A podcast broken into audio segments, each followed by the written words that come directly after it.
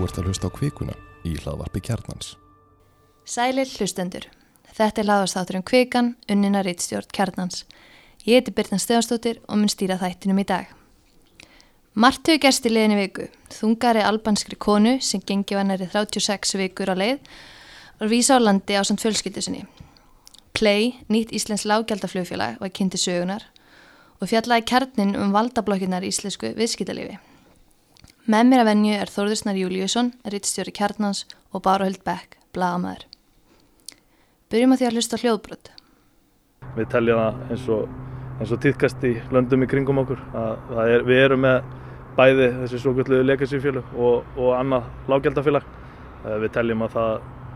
geti velgengið upp á Íslandi og hafa einfalllegan í fyrirrumi. Það skiptir máli í, í lágjaldaheiminum að vera einfald með einfalda flótastöfnu.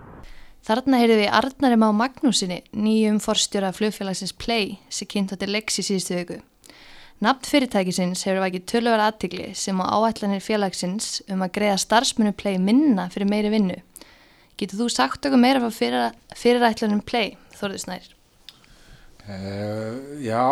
þetta er svona uh, áhugavert allt saman. Uh, heldu hérna blagamannafund sem vakti aðtigli uh, og var svona doldið eins og uh, ræða í brúköpi uh, en kom svona því til skila þarna voru hópur fyrirandi líkil starfsmanna og áer og aðrir úr, úr ferðarþjónustu gera sem voru búin að taka sér saman og voru búin að tryggja sér fjármögnun til þess að stopna hér lágeta flugfélag sem ætla að fljúa fyrst á tveim velum og svo í framtæðin á fleirum til einhver áfangastada svo var svona alveg það var rosalega lítið um smáadrið í kynningunni en það var rosalega gaman hjá þeim sem voru að kynna. Uh, þeir, þeir voru mjög spendir fyrir þessu öllu saman. Og hérna og bara gaman að sjá spennt fólk mikið svona sjómla stemning yfir þessu öllu saman. Uh,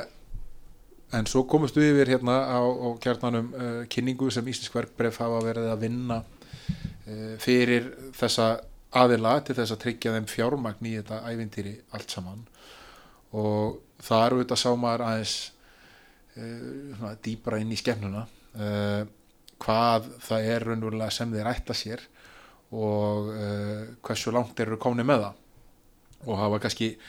meginadriðið þetta sem er fyrst og flestir voru kannski svona að hugsa um var að þeir eru komnir búin að tryggja sér einhverja fjármögnun eða lánsfjármögnun frá frá uh, breskum sjóði sem heitir Athene Capital. Uh, og sá sjóður ætla að leggja til 5,5 miljard allavega. Og svo vantar vantaði 1,7 miljard upp á til þess að, svona, að dæmið væri full fjármagnað og á Íslensk verbreyð hafði það hlutverk að, að reyna að sækja þá fjármunni til Íslensk reynga mm. Uh, ef að þetta myndi síðan gangu upp að, að fjármagnunin landsfjármögnun myndi koma inn og, og, hérna, og ná í þessa e, e, hennar 1,7 miljard þá átti e, eignarhaldi að vera þannig að þessir stopnendur myndu eiga uh, helmingin og uh, hinnir sem myndu leggja fram þennan 1,7 myndu eiga hinn helmingin svo til þess að flækja það áttu uh, átti breski sjóðurinn forköpsir á 10% gæti keift inn ef maður vildi þá myndi sikkur aðilinn þinnast niður í 45% Uh, og uh, þeir eru líka ef að hlutum höfðu ganga vel þá er vilerið fyrir því að hækka lánsfjármagnuna frá þessum breytum eða tvöfaldana þannig að þetta leti ekki svo sem neitt sérstaklega illa út. Það er allan að búið að tryggja eitthvað lánsfjármagn þarna inn og það verið að leita við búta peningum þarna. Uh, í þetta. Svo þegar hérna maður fór að skoða eins meira á þá er þetta nú ansi metnað fullt allt saman svona væga sagt. Uh, það var uh, stefna uh, viðskipta áallunarinnar að fjölga flugvelunum úr tveimur og svo í aðeins fleiri og svo enda í einhverjum tíu í nánustu framtíð. Og að fyrirtæki myndi vaksa þannig að eftir þrjú ár væri virðið þess að voru 78 miljardar svo skulum við aðeins dvelja við þá tölu 78 miljardar við erum auðvitað með hérna uh, svona legacy flugfélag á markaðu Íslandi sem er bara með verðmiða samkvæmt gengi markaðarinn sem er Æslandir og er búið að vera til henni áratugi. Og verðmiðin á Æslandir er rétt um 40 miljardar eins og staðan er í dag, þetta er að búið hrinja á undanfjöndum árum. En það sýnir svona hinn metnar fullu áform hversu, hérna, hversu mikið þeir telja sig eiga inni þarna með því að, hérna, að setja fót uh, þetta uh, flugfélag. Uh, það var mikill fókus í kynningunni á það að, sagt, að og þeir voru mjög ánægði með það að, að nániðu kostnaði. Það var eitt af því sem við ætla að gera og, og það var hægt að sjá vel inn á það í kynningunni. Meðal annars er stefnan að nániður kostnaði, kostnaði vegna starfsfólk þess að lækka kostnaði vegna starfsfólk alltaf 37% og það auðvitað segir bara eitt að launin verða ekki sambarleg við það sem þau voru. Og það er miða við þess að þess að var hjá WOW sem er svona blúprintið af þessu öllu saman. Player framhald af WOW. Mm. eh, ekki úr leiti svona WOW, WOW mínu skúli móðsinn mm. eh, og ofan á sagt, læri kostnað við starfsmenn þá sáðu þau mikið tækifæri í að ná betri nýting og áhöfnum. Það er að segja bentu á að, að Æslandir væri að ná 550 klukkustundum, klukkustundum ári úr, úr sínum áhöfnum að meðaltali og þeir ætlaði að ná 800 til 900 þannig að í einföldum áli er þetta bara læri laun og meiri vinna sem er sko uh, á, fyrir, á að vera ástæðan fyrir því að þetta hérna muni ganga vel og, og þeir eru búin að semja við hérna, stjættafélag flugmann á ágamla sem er búin að bæta við þessu undirdild fyrir flugleðana, gerðu það í sumar á þess að nokkur annar vissi einhvern veginn að því og það er búið að semja fyrir alla þarna sem er ekki búin að ráða sér til starfa við þetta stjættafélag skulum muni eftir þetta stjættafélag sem vildi rannsókn á bladamönnum hérna og svo leis hérna, e, þegar, þegar Váir var að fara á, á kúpuna. E, þannig að hérna e, maður sér það á viðbröðum alþjóðu samband Íslands og, og fleiri í þessu að, að þessu tekið svona með tölvöru salti öllu saman. En það var bara eftir að koma í verður og hérna og og þetta er sko horfum á hérna, þessa tölu sem er ætla að, hérna, að koma flugfélagin í 78 miljardar á örfáum árum þá erum við að tala um sko að fjárfestanir er að geta 12-13 falda fjárfestíkunar sína á þremur árum. Það er rosalega metnafullt eh, bara verður að segja að stálu svo er. En hérna, maður skal aldrei útlöka neitt. Eh, og það er svona uh, var lindið í líka hvert er alltaf að fljúa þau voru ekki að sína það á kynningunni og, og svona en svo er samt verið búin að tryggja sér vélar og, og gáðu svona til kynna fluglegstirarleifi var eiginlega alveg í höfn. En það er reyndar ekki höfn fyrir að það er búin að klára fjármögnuna sem var ekki búin síðast ef maður vissi, það er alltaf ekki búin tilkyn um hana. Þannig að e, það eru svona ákveðnir óvistu faktorar en e, svo maður kannski horfa á jákvæðu punktan í þessu að þeir voru alveg búin að vinna heima að vinna sína varandi margt og búið að tryggja þessi svo kallu lendingaslott á þeim stöðum sem það ætla að fara til búið að vinna mikið í því að fá flugrestra leifið, búið að gera þjónustsamninga við aðeila á keflækuflugölli og á þeim flugöllu sem þeir ætla að fljú á um það að þjónusta vélarnar og svo leis þeir e, virðast vera með vélar tilbúnar Uh, til þess að koma inn í þennar rekstur eru með svona veist uh, hófsamt start á tveimur vélum sem eru þetta bara það sem vágerði hérna lengi vel til að byrja með mm. en ætla ansi hratt að, að, að svona fara upp í fleiri uh, sex vélar strax í mæja á næsta ári átta árið 2021 og svo er það 10 2022 og Uh, byrjaði að fljúa á þess að hefðbundu íslensku staði uh, sem er flóið frá, frá Íslandi, Alicante, Berlin, Köpmanöf, London, París og Tenerife. Mm. mikið margar á Tenerife.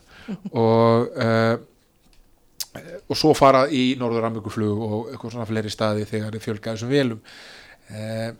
líka sem ég var svona vast ánægilegt að sjá Európuna sem um eldsnitsverðsvarnir ekki hérna bara flökta í vindunum eins og ágerði sem svona hafði mikið lögut áhrif á þá þegar eldsveitisverð tók að hækka mjög kraft og þeir voru ekki með neitt fyrir sjáleika í rekstrinum. Um, en ég veit ekki hvað maður að segja hérna, þetta er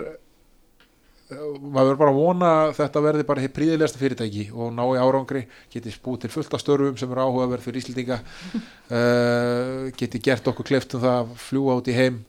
uh, ódýrt og öruglega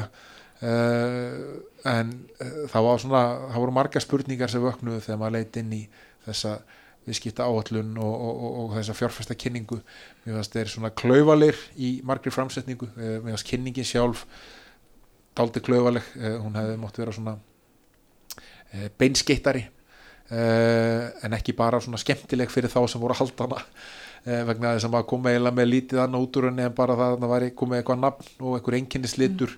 og hérna En það er náttúrulega vörumarkið að leika sér. átta með, átta með því og svo það klúður allt saman auðvitað hérna að auðlýsa eftir leikfélugum Það er sem breytti síðan í þjónustu hedjur Já, spurning hvort að hafi íhugað þetta nafn alveg til enda. Ég veit það ekki. Play Air. ekki, hvað hugsuðu þið fyrst? Ég hugsaði bara hérna sleipiefni sem er alltaf á, á kossónum í stórmörkuðunum Já. Durex sleipiefnið eh, hérna,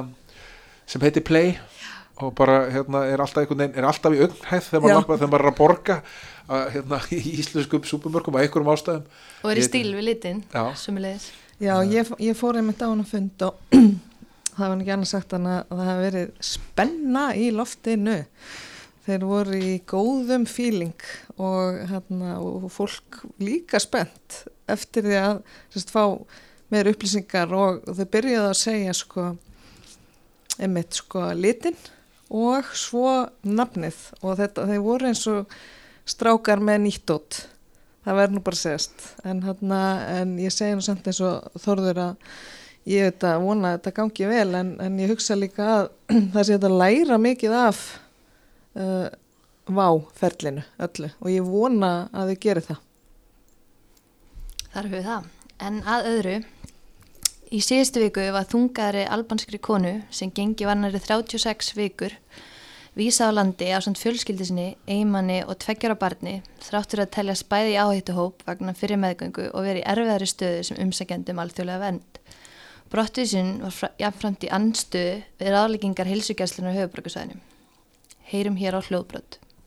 Og ég fagna því að útlendingastofnun hafi stíðið fram og svara fyrir,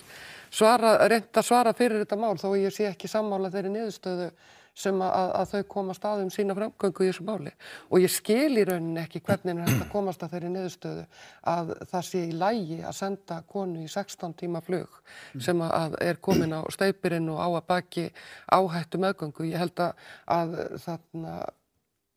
það sé bara ekki hægt að komast að þeirri niðurstöðu. Alveg sama hva, hvar við stöndum eða, eða hvað okkur finnst um, um, um uh, hælisleitendur og, og, og hvort þeir fái raða, nógu raða úrlausinn að mála öruglönd og annað þá gilda ákveðnan mannúða reglur í, í þessu málum sem á öðrum. Og það, það má ekki ganga á, það má ekki stopna fólki hættu Þarna er því Þóru Kristínu Áskirsdóttur, fyrirvændi fjölmjölakonu í Silfurinn á sunnudaginn. Er þú sammúlað Þóru Bára eða voru bara allir að fylgja reglum og að vinna vinnuna sína? Sko, allir, það hafi ekki bara allir rétt fyrir sér með að við hversu allir eru duglegir að benda á hvern annan. Jú, vissulega va- var fólk að vinna vinnuna sína en svo spyr maður sig hvort að það sé endilega málið alltaf hvort að þarna hafi ekki ymmit verið hægt að fylgja reglum og vísa nekkjulandi að, uh, vegna hennar ástands. Það sem ég fannst bara áberandi náttúrulega í þessar umræði í síðustu viku var þetta að uh, mér fannst allir benda hvern annan að það væri rauninni ekki ábyrn eins og það er alltaf vandamál með uh, þegar svona mál kom upp út að þetta vakti gríðarlega viðbröð. Þannig að tala um konu sem er mitt er með áhættu meðgöngu og hérna einhvern veginn allir tengdu við og bara já, fundu fyrir mikilli samkjönd með henni og náttúrulega sérstaklega banninu og þá náttúrulega skiptir rauninni ekki neitt um neinar aðstæður ef að maður bara hugsa um bannið þannig að ég skil vel svona, þetta tilfinningarlega uppnám sem kom í samfélaginu í kjálfærið út af því að það er svo eðlegt að við tengjum við þetta og það á að skipta máli okkur á að finnast þetta óeðlegt að uh, kona í þessu ástandi sé vísað á landi, vissulega. Já, í 19 tíma ferðalag. Já, og sem kom svo í ljós að uh, reyndi mikið á hana. Uh, þegar þetta er tekið upp þá uh, vitum við nú ekki hvort hún sé búin að eigið ekki eitthvað staðan er. En við þetta bara vonum, vonum það besta. Þetta er líka uh, vegna þess að hún átt sér sögu með það að fara í bráðakissara á sambarnum tíma þegar hún var í fyrir meðgöngu. Uh, og það er einfallega og átti allavega í huga margra þeirra sem stóðu að umbótum á útlendingalögjöfunni fyrir ekkit svo löngu síðan þeirra stjórnmálumanna þar að segja uh, að, uh, sko, að skapast sveirum í íslensku framkvæm til þess að geta nálgast ákveðin dæma að meiri mannúð það liggur fyrir að konan og, og, og fjölskyldanar er frá Albaníu og þau voru ekki að fara að fá verndin á Íslandi Albaníu er skilgreint örutt ríki og við erum ekki að veita fólki frá Albaníu vend uh, og ég held að og þessu umræðu höfur þannig sé ekki snúist um það hvort þau átt að fá verndið ekki Nei. þetta er bara snúist um það hvort að það átt að vera að sko að, bara eins og vera gert, bara þrykkin úr landi mm. þegar hún er á svona viðkomi tímapunkt í meðgöngu eða hvort að ég að leifa vera, leifin einfallega að vera hérna áfram þannig að hún bara eiga batnið mm. og uh, batnið er uh, úrskurað ferðafært þannig að hún getur farið aftur heim. Uh, og þetta er bara afræksturinn líka af því að þau veru með útleikaralókjöf sem er svona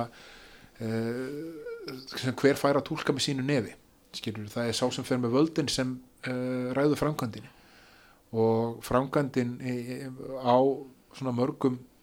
stigum uh, þessar lögjáðar er ekki mjög mannúleg hún er það ekki. Og uh, mörg dæmiðs á undanfjöndum árum þar sem við höfum sé glitta í þann ómannúleika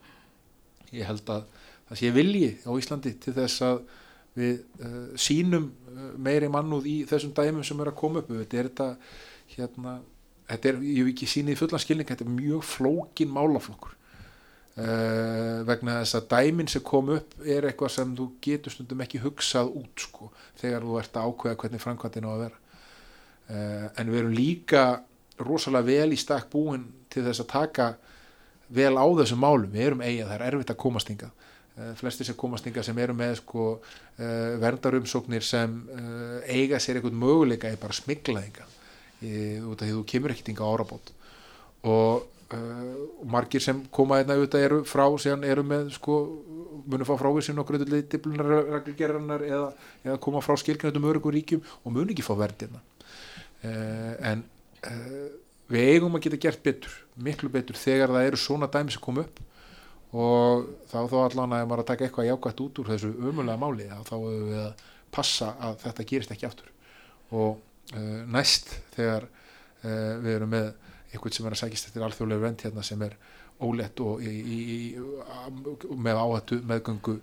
í áhættu meðgöngu hópi að okkur dettið ekki til hugar að senda hana út úr landi í stíkt ferðarlag við þar aðstæður. Já og þetta er líka, út af nú segir útlendingastofnun að verklagi hafi verið fyllt og um, dómsmálar að þeirra um, áslæðarna hún segir að henni hefði brugðið við fréttunar um, svo þegar hún er rauninni spurð á alþingi, Helga Val Helgadóttir þingmaður samfélkingarinnar og um, Þóldur Sunna Ævarsdóttir, þingmaður Pírata um, voru svolítið svona ákveðnar við hana á, á alþingi til, bara hreinlega til að spurja hann út í þetta mál. Hún varðist svörum í rauninu og gatt ekki einhvern veginn talað um þetta tiltekna mál en sagði bara að sér hefði verið bröðið og þetta er alltaf sko, við erum alltaf með þennan vanda, við erum með eitthvað verklag, við erum með eitthvað, einhverja reglur, einhver lög, við, við hvernig er þá að sakast, uh, kannski augljósa eru þetta sá sem setur reglurnar og, og það er eitthvað sem bara þá verður að breyta núna, ekki eftir ári eða fimm ári eða tí ár. En er vilji hjá stjórnmálumönum að breyta útlendingalögjöfni eða reglugjöran? Ég held að þetta sé svona ef ég vil svara eins og stjórnmálumar þetta, þetta er flókin spurning. Ég held að sé náttúrulega klár vilji hjá mörgum stjórnmálumunum og alls ekki kannski alveg bundið við flokka uh, við það að fara í breytingar á útlendingalögjöfunni þannig að hérna að uh, að minnstakosti við erum mannúleri uh, í sko í með, með, við meðferð þeirra sem er að koma ekki á sækjastu vend mm ég er ekki vissum að það sé uh, mikill vilji hjá ráðandi hluta á alþingi um það að taka við fleirum en við erum að gera mm. ég held ekki, ég held að það séu þetta uh, ekki bara tækifæri fyrir Íslandinga heldur bara dauða tækifæri uh, bara út frá okkar hagsmunum og líka bara okkur byrja sefyrslega skilda til þess vegna þess að við höfum tekið við svo fáum gegn tíðina og vegna þess að við höfum svo við, við erum svo góðar aðstæður til þess að taka við fleiri Mm. að við ættum að taka við miklu, miklu fleiri flóttamönnum. Hér verðum við að gera aðskilna melli innflytjandi og flóttamanna. Mm. Eh, við erum auðvitað að taka við- fjölgun ellendar ríkisborgar á Íslandi hefur verið geigvanleg á undanfötum árum. Það er fyrst og síðast fólk að koma hérna til þess að starfa eh, af Evróska efnaðsvæðinu að uppstuð. Uh, en við tökum við sára fáum flóttamönnum erum að fjölga aðeins á undanfötum árum en við erum að tala um að við séum að tala, taka við bylunu 50-70 ári núna á undanfötum árum. Meðaltalið er, ég man ekki hvað það var ég reiknaði eitthvað tíma út frá því við byrjum að taka við flóttafólki, sko kóta flóttafólki eitthvað í 12 eða eitthvað slíkt sko. Uh, og svo auðvitað tökum við hérna, fá fá eitthvað hérna uh, sem sagt vernd eða hæli og þar eru við með þú veist, 100 og eitthvað eh, kannski. Eh, þannig að uh, það sem við getum gert og ættum að gera er að taka við miklu fleiri kvótaflokki uh, miklu fleiri kvótaflóttamenn þá getum við undirbúið það miklu betur þá getum við stýrt í miklu betur hvernig aðlögun á sér stað vegna þess að aðlögun er nú þetta líkilatri að, að, að þeir sem kominga geti aðlagast hratt og örglega samfélaginu og fundi fætuna sinni í samfélaginu bæði fyrir sig og fyrir okkur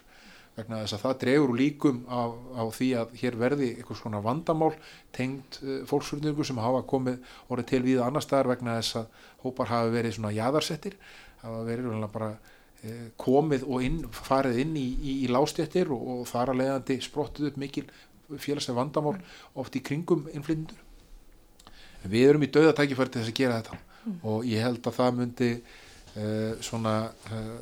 ég held að það er leiðið sem við ættum að skoða mjög göngjaðulega það er það að fara í, í svona þann fas að taka við fleiri kótaflótunum Já, þegar við höfum nú fjallað um það hérna á kjarnanum varandi sveitafélagin og þjónustu samninga við útlendingastofnun hvað þau eru rög við það í rauninni. Ég sko nú bara segja þetta svo er. Þetta eru bara 2-3 sveitafélug sem hérna á söguvesturhóttinu sem uh, bera hitan og þungan þessu Mm. það er ekkit öðruvísi með þjónustusamningana við útlendingastofnun heldur en aðra félagslega þjónustu Mm. uh, félagslega þjónusta er á uppistöðu veitt í Reykjavík eitthvað liti hafnafyrið og svo á Suðunisum Mm. og flest önnur sveitafélug hérna á höfbúksvæðinu tellir sér bara stikk frí og sinnin ekki það er að byggja ekki upp félagslegt húsnæði uh, lítið á sem búar taka ekki við uh, svona þeim vandamálu sem fylgja alls konar, konar félagslegu vandamálu sem fylgja því að búa í samfélagi manna hvort sem um erlenda ríkisborgari ræða eða íslenska. Uh, og uh, þetta eru þetta bara algjörlega galið og útrúlegt að það sé ekki meiri umræð um þetta. Að það sé vegna þess að þessu fylgir bara uh, bein skattahækkun til dæmis eða auknar álögur á þá sem búa í Reykjavík eða Hafnafyrði eða, eða á Suðunessum sem er að borga fyrir stikk fríleika Garðabæjar eða Seltjarnanes eða, eða Mósusbæjar uh, við það að sinna ekki sínu hlutverki uh, Mósusbæjar er þetta búin núna bara að byrja að taka við flottamenn Flótta, já. Ég mega það. Já, Kvótaflótamönnum. Og- hérna, og Garðabæjar tók nú Garðabær eitthvað skref já, en þegar þú horfir á stórumyndina til dæmis var þetta félagslegt húsnæði ef þú horfir á hérna, þjónussamninguna vegna uh, þessa fólk sem er að koma enga á eigin vegum að, sækja sér uh, að sækja um uh, og horfir bara á erlenda ríkisborgara sem búa í sveitafélagum þá er myndin, hún blasir við hún er bara uh, niður njörfið í hægtölum og, hérna, og, og það þarf ekki eitthvað neginn að vera eitthvað velkast í vafa um það að þetta séu meðvitaðar ákvarðanir um að hafa þetta svona. En nú hefur mikil hagsveifla á Íslandi á undanförnum árum og fjallaði kjartin meðal hans um það á því nýja Ísland ítalið um fréttaskinningum í síðustu viku og það eru fjárfyrstikja blokkir enga fjárfyrsta sem hafa verið að láta sér kræla í atvinnulífinu. Hvernig lítir þetta nýja Ísland út, Þórður? Nýja Íslandi er þannig að uh, við erum að koma út úr rosalega miklum góðar tíma sem verður til við uh, aðstæður sem uh, ekki margir frjálsíkjumenn myndu segja að væru hérna uh, þeir eru ekki spáð fyrir því að það er ástæður sem myndu búa til þann vöks sem við höfum lefaði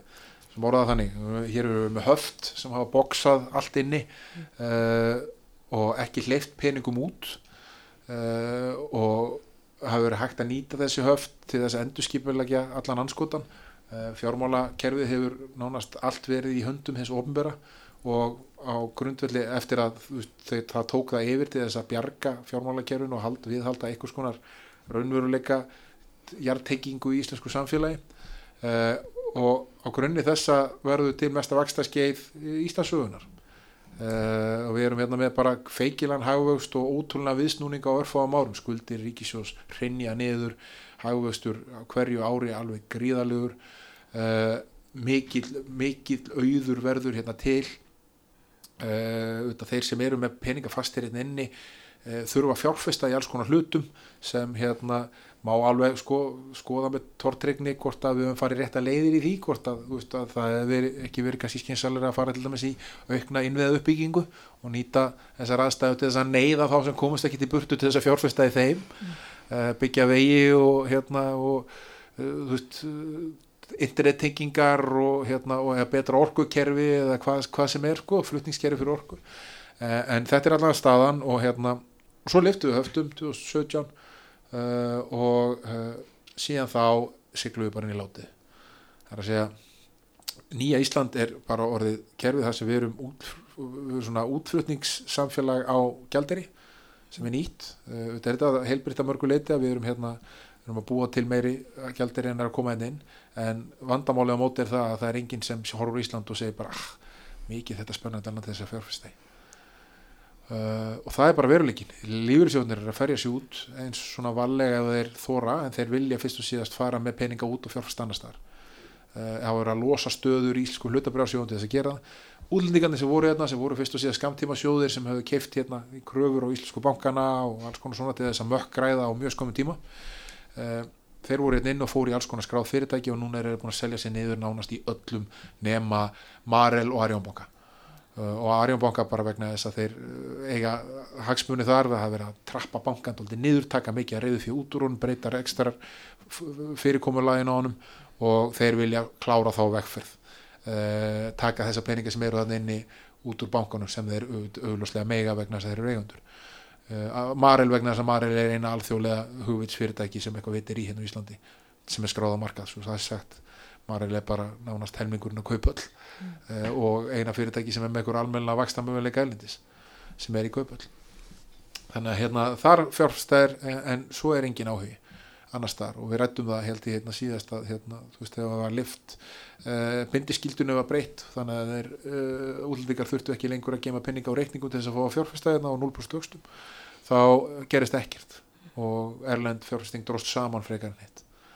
Þannig að það er nýja Ísland og það auðvitað hefur áhrif. Virkni á hlutabræðamarkaði lítil. Þetta er bara fyrst og síðast lífyrirsjóðu, tringafélög og, og einhverju fagfjárfærstasjóðu sem lífyrirsjóðunir eiga uppi stöðu sem er á fjárfærstan og svo örfáður enga fjárfærstar en við fórum í það að kortleikja þessa enga fjárfærstar þessa nýju vald, valdablokkir. Og, hérna, og þá þetta kemur ákveði svona og áhugavert minnstur í ljós. Það má vel að segja hérna,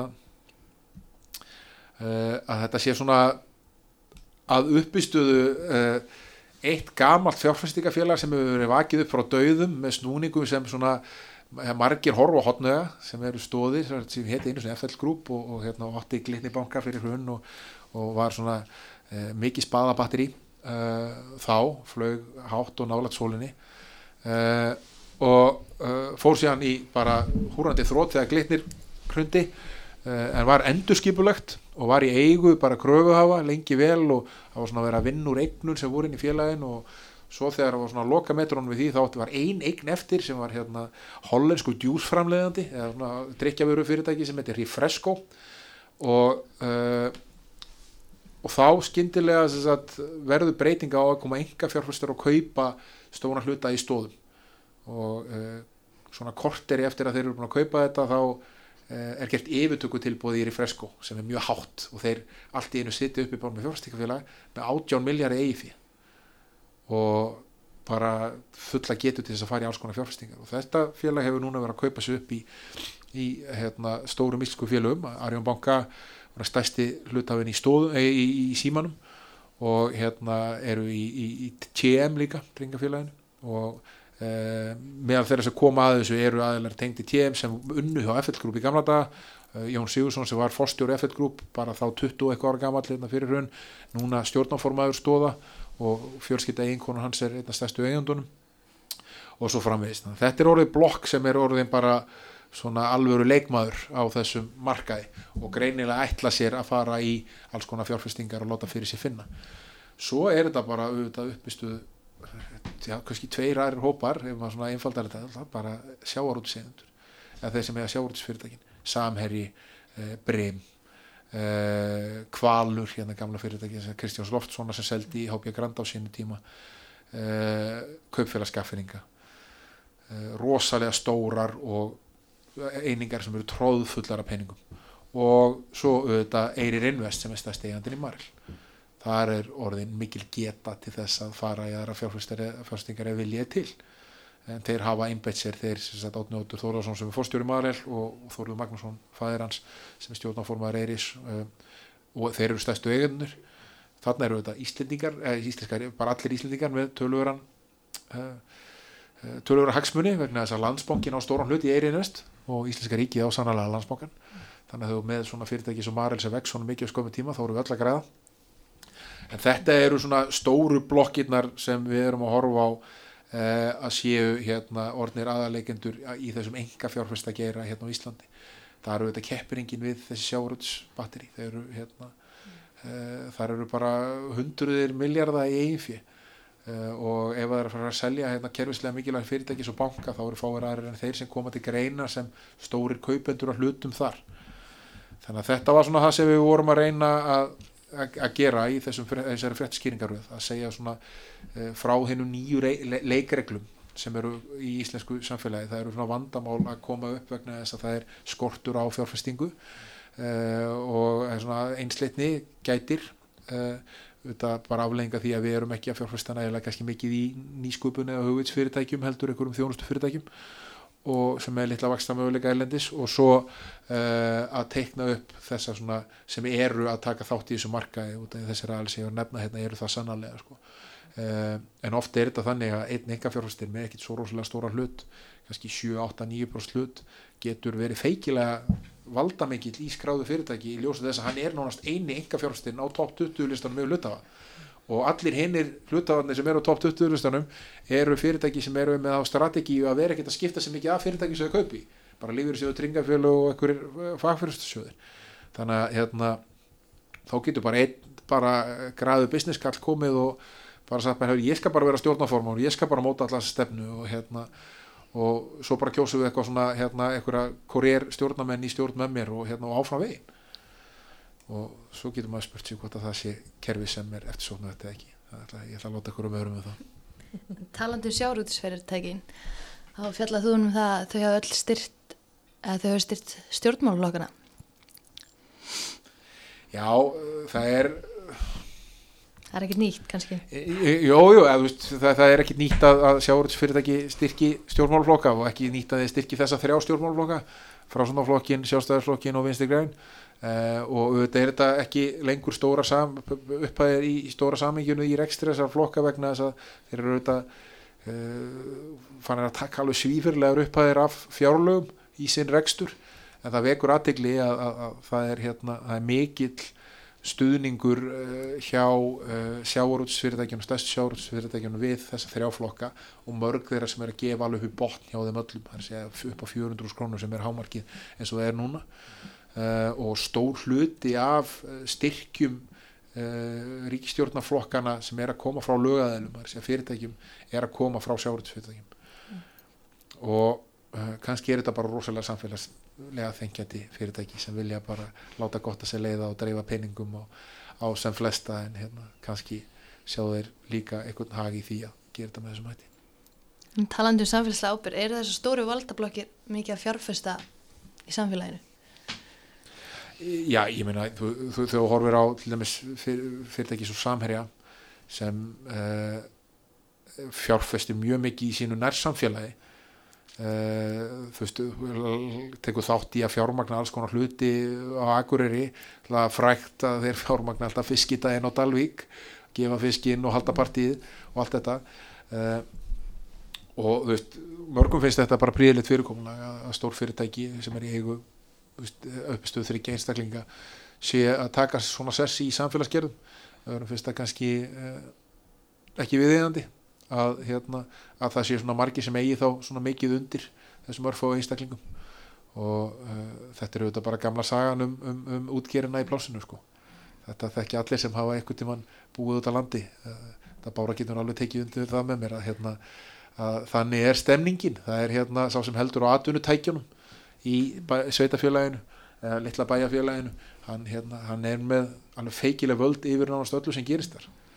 Vegna þess að hann hefur það í hendi sér að geta svift fólk lífsviðuverðinu eða vilja sama má segja um kaupfélag skafferingu þetta sem er bara uh, batteri sem uh, er bara skagafjörður. Og hérna deilur og drotna þar. Hann er búið að gera bíómyndum kaupfélag skafferinga uh, hérna þar sem uh, er svona sem er byggt á kaupfélag skafferinga þar sem þetta kemur ógætlega fram. Og uh, og eru fann að tegja sér á mörgunum sviðir. Og ég meina það stæstu einhverjum morgumblaðsins og, og eru svona hérna, það sláttur á þeim kvöldum. þannig að hérna e, það er alls konar uh, samfélagsleg uh, virkni í, í þessum blokkum. Sannlega ekki öllum. E, en hérna það er svona kannski, það er alveg umdelanlegt hversu heilbrið hún er fyrir samfélögin sem eru þykjendur af þeirri samfélagslum virkni Einmitt. En rétt að byrti allþjóða gældurisjóðurinn úttekt á íslensku efnæðslífi í gær. Hvað var að finna í henni? bara í mjög stuttumáli uh, speil, speilmynd af því sem hérna við áttum uh, von á uh, bara að Ísland er í samdrætti vegna þess að váfór á hausinn og vegna þess að Ísland er fari ekki maksfélagarna sinnar og hérna og að við höfum brúðist ágætlega við með, með auknum fjárútlátum hins ofnbera með Sælabankin hafa kert niður vexti með því að gera ábyrga kjærasamninga þetta var allt hjálpa til til þess að milda höggið og svo byrji vöxtur aftur á næsta ári. Það er stóru línunar en það er aðtiklisvert að þeir svona þeir hérna, umvandaðis fyrir okkur segja hérna, að hérna, við þurfum að, að fara að keira upp sko uh, breyta mentakerfun okkar auka fjárfestingu í mentun, auka fjárfestingu í, í þekkingu, kennara og svo framvegist til þess að búa til meira hugvit. Í raunulega það sem ég segja. Þurfum að, að fara að nýta náttúruauðlindar sem við erum fyrst og síðast að hagnast á til þess að virkja vakstavélanar sem eru hausin á þeim sem búa hérna. Og uh, í þessu samingi benda er líka á til dæmis að það, hérna, það sé mikilvægt að við förum uh,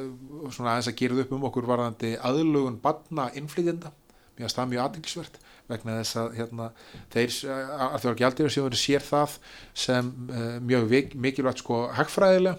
að, að hér veri staði vel að aðlugun barna innflytjenda til þess að, hérna, að þeir geti hjálpa til við hagvöxt. Og það eru þetta tvíþætt. Í fyrsta lagi getur þetta orðið svona og aftur bara út frá hagfræðilum stærðum sko bara verðmæti. Það segja sérfræðing, sérhæfing þeirra eða vinnuaflið er verðmæti. En svo er þetta líka neytendur og það er eitt af því sem hefur verið að gefa eftir í Íslandi er enga neysla þannig að þeir horfa á það að séu að fá mikið af nýjum neytendum. Ef okkur tekst að aðlaga fólk vel þá ertu með báða endana sko. uh, því meira sem uh, meiri sérfræðingar sem fólk veru því meira fara að borga því betri neytendur er þannig að hérna, þetta var allt saman bara mjög áhugavert. Og svo vakti þetta aðtegli að hérna, þrátt fyrir að, að Ísland hafi voru fórnalam samsæris útlettinga fyrir það að vera sett á gráhanlista út af peningaþætti þá sér alþjóða gældir sem er samt sem áður til, til þess að, að vanda þessum fyrir Íslendingum fyrir að lenda á þessu lista og hvetja þá til þess að gera allt sem í sínu valdi sendu til þess að losna á hann sem feist til þess að verða ekki fyrir orðspórsnekki og þetta auðvitað hérna svona tengist öðru sem við vorum að fjallum hérna í lóksíðustu viku þegar við greindu frá því fyrsti miðla að hérna öll þessi orðræðum hér, hér sé ekki tverninga þetta að, að, að finna að hérna sérstaklega ekki fjárfæstikali seglabankar og svoleiðis að þetta bara á ekki viðinni röka stið að skattra svona stjórar að klára rannsókn á mörg hundruð miljón króna undanskotum af fjármastíkju skatti sem að síðan þvættar ekki ennum fjárfæstikaliðina uh, að því er virðist samkvæmt rannsókninni uh, til þess að notast aftur hérna á landi. Þannig að hérna ég held að við sjöum við heldum við um að sjá mörg dæmi því miður í nánustu framtíð að hérna, það sem íslitingar verða uppisir af því að stunda uh, sérkennilega skattasneigungu og svo peningafætti með að koma peningunum aftur í vinnu hérna í Íslandi. Já, en við komumst ekki lengra með kveikunum ennara sinni en verðum hér að veikuleginni að skilja kjarnan frá hauspunu. Verðið sæl, þanga til.